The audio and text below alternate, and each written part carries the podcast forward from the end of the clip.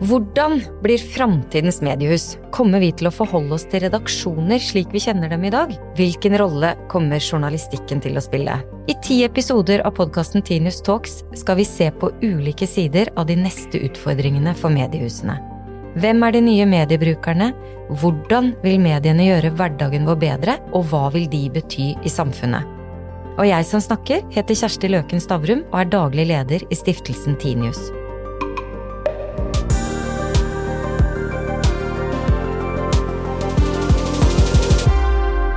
121 år tok det før tidningsutgiverne i Sverige fikk en kvinnelig styreleder. Og da ble det Victoria Svanberg. Hun er eh, eier og styreleder i Nya Värmlandstidningen i Sverige, og eier 4% i mediegruppen Schibsted. Og nå sitter du her sammen med meg, Victoria. Velkommen. Takk så mye. Takk. Du må jo sies å være en av de mektigste mediekvinnene i Sverige nå. Er du enig i det? Um, det är klart att utifrån, utifrån de rollerna jag har, så, så jo, visst. Jeg vil nok si at du er det, selv om du ikke er nødvendigvis enig. Men vi må snakke om medieledelse. Og du sitter også i styret i Polaris, mm, må jeg si, så du har jo en, en, eh, veldig stor norsk forankring også. Mm. Og sånn som du ser det, som jo følger mediebransjen i Norge og Sverige så tett, hvilke egenskaper mener du er de viktigste for en medieleder i Eh, 2020? I 2020. Jag tror att de viktigaste egenskaperna för en medieledare i 2020, det är att vara en god förändringsledare, skulle jag vilja säga. För vi står inför så stora förändringar i branschen. Eh, omvärlden är så föränderlig. Eh, så förmågan att förstå vad den digitala transformationen kommer att innebära, både ur ett publicistiskt perspektiv och också ur ett organisatoriskt perspektiv. Så jag skulle vilja säga att för en, en god förändringsledare Mm. Mm. Men når du da er god på forandring, for jeg, jeg, er jo helt enig, det er helt mm. grunnleggende at man ikke må stå stille. Har du noen litt sånn gode erfaringer eller noen sånn, Hvordan kan man få til det? Hvordan kan man få folk med seg på forandring? Nej, men det, det handlar om att kunna inspirera sina medarbetare. Och sen har vi ju också en hel del lyckade exempel att se på i branschen och det är naturligtvis viktigt att lyfta fram det. I Norge har vi många lyckade exempel att lyfta fram. Ni har ju varit mer framgångsrika än Sverige vad det gäller digitaliseringen, i alla fall förmågan att ta betalt för digitaliseringen.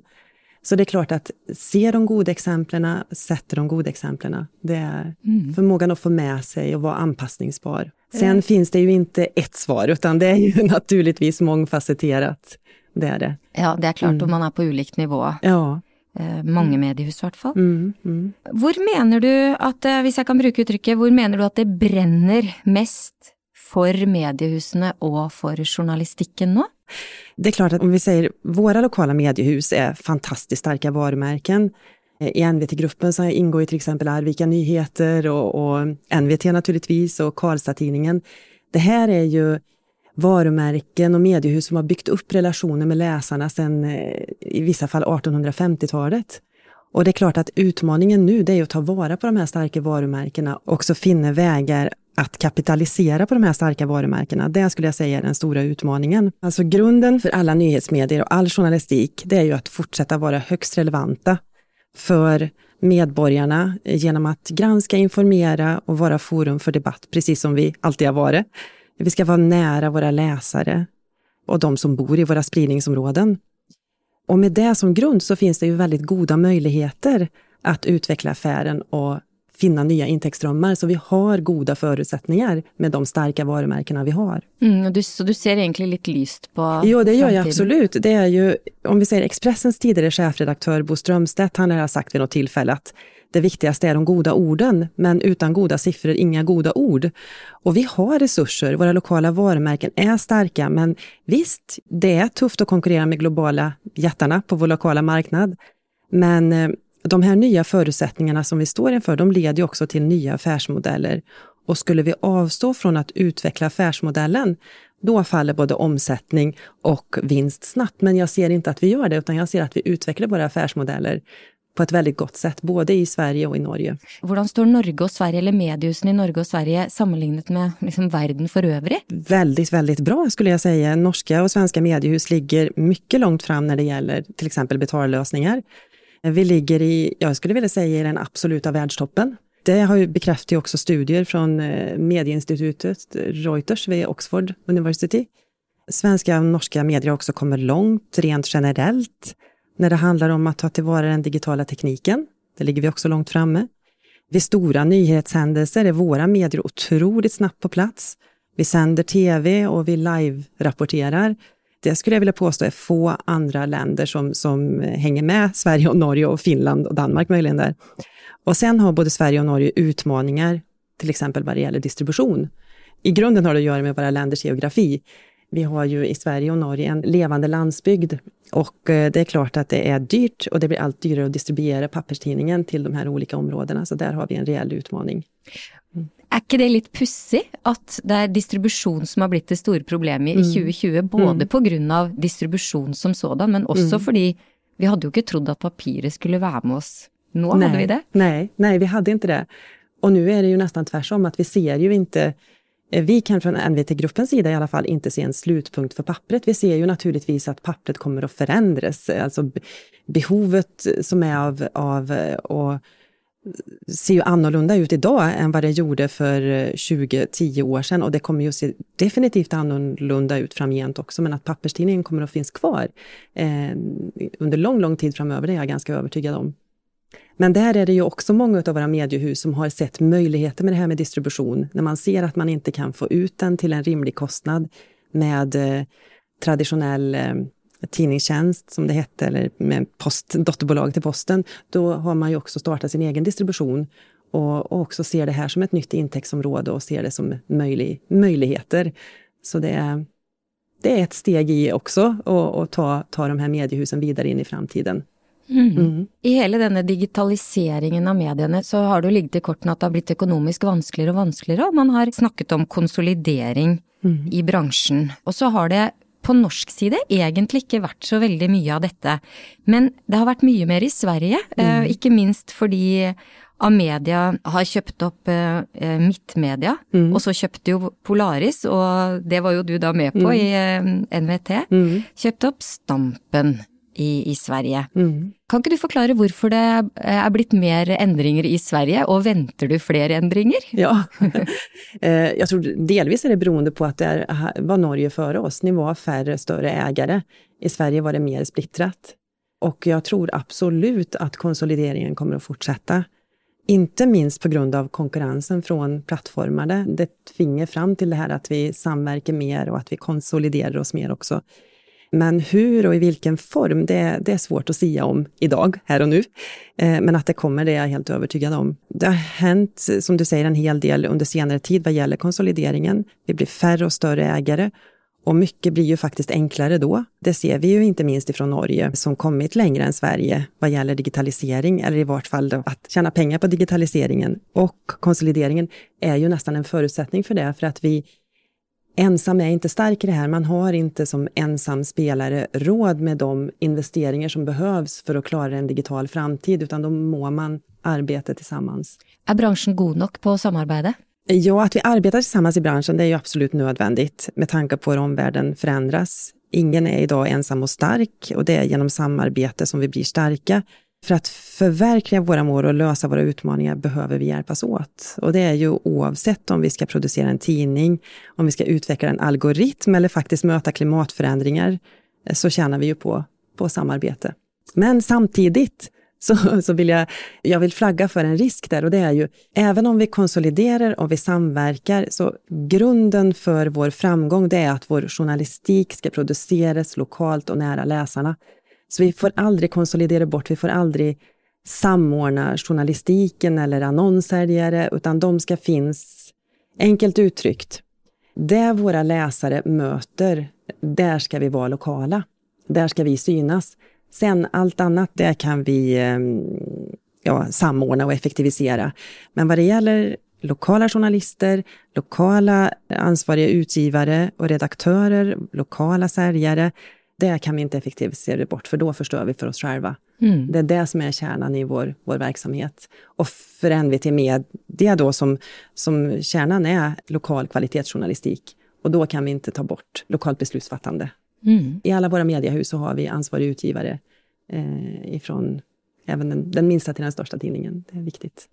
Veldig viktig, mm. veldig viktig påpekning du kom mm. med der. Mm. Av alle dine engasjementer så er du også visepresident i lobbyorganisasjonen News Media Europe. Mm. Og dere gjorde noe som jeg syns var veldig interessant. Dere la rett og slett fram et krav om at nå må EU-kommisjonen lage en helhetlig mediepolitikk. Mm. Og du, oppfatter jeg, la særlig vekt på falske nyheter. Mm. Arbeidet mot falske nyheter. Mm. Kan du ikke fortelle litt mer om dette? Hva håper du at en ny mediepolitikk eh, fra EU kan føre til? Mm. Kan den bli kraftfull? Eh, mm. Og, og, ikke minst, da, kan en mediepolitikk fra EU redusere faren og omfanget, ikke minst, mm. av falske mm. nyheter, tror du? Det tror jeg. Det, og det tror jeg, og det håper jeg virkelig. Och här är mediernas uppdrag att stå upp för journalistikens grundläggande värderingar, vilket innebär att opartiskt granska och faktagranska, inte minst den desinformation då som sprids via plattformarnas kanaler.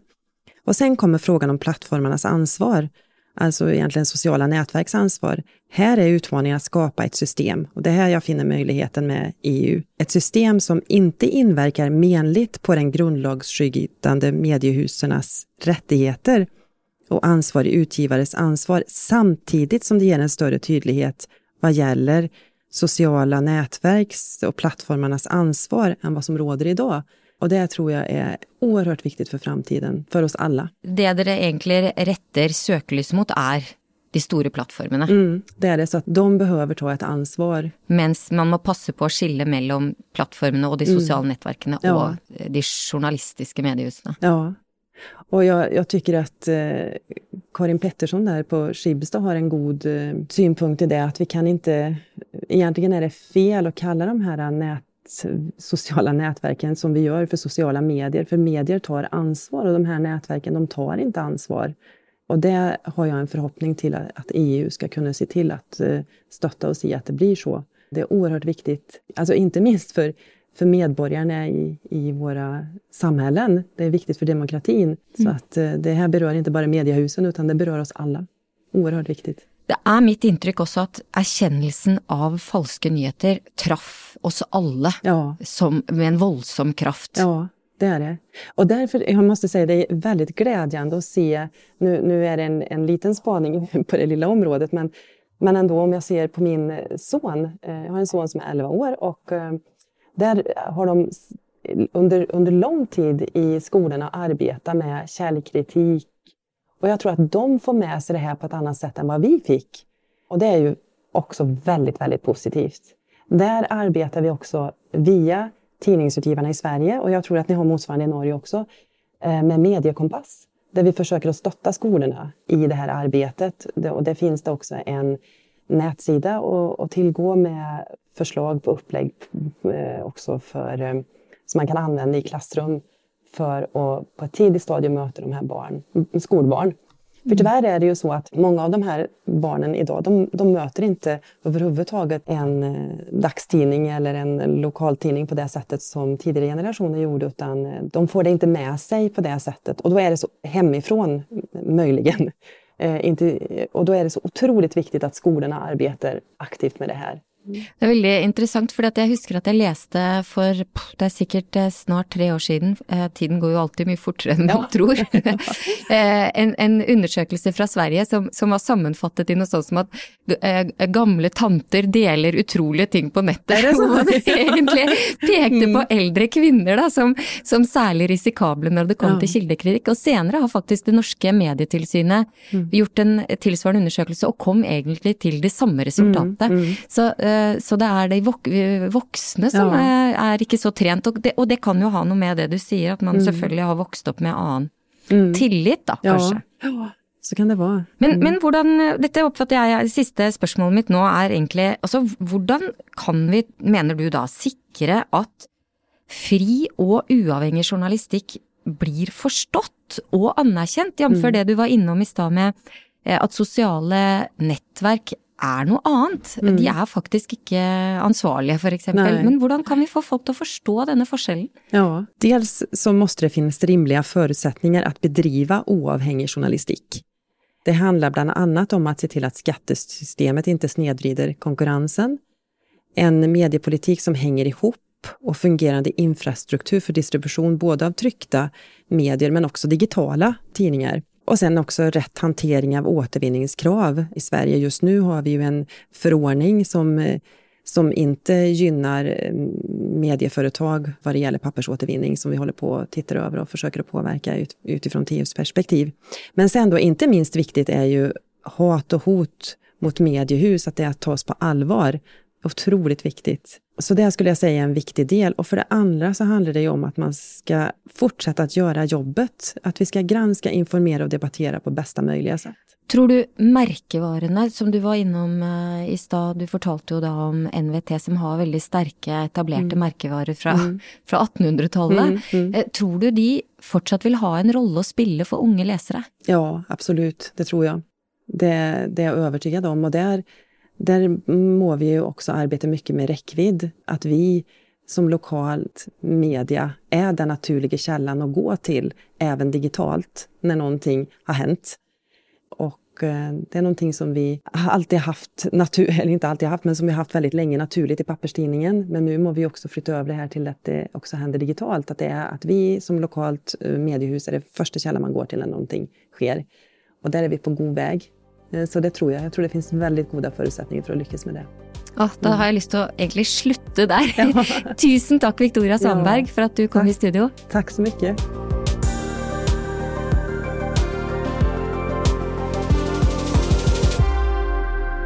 Denne podkasten er produsert av Hansine Korslien for Stiftelsen Tinius.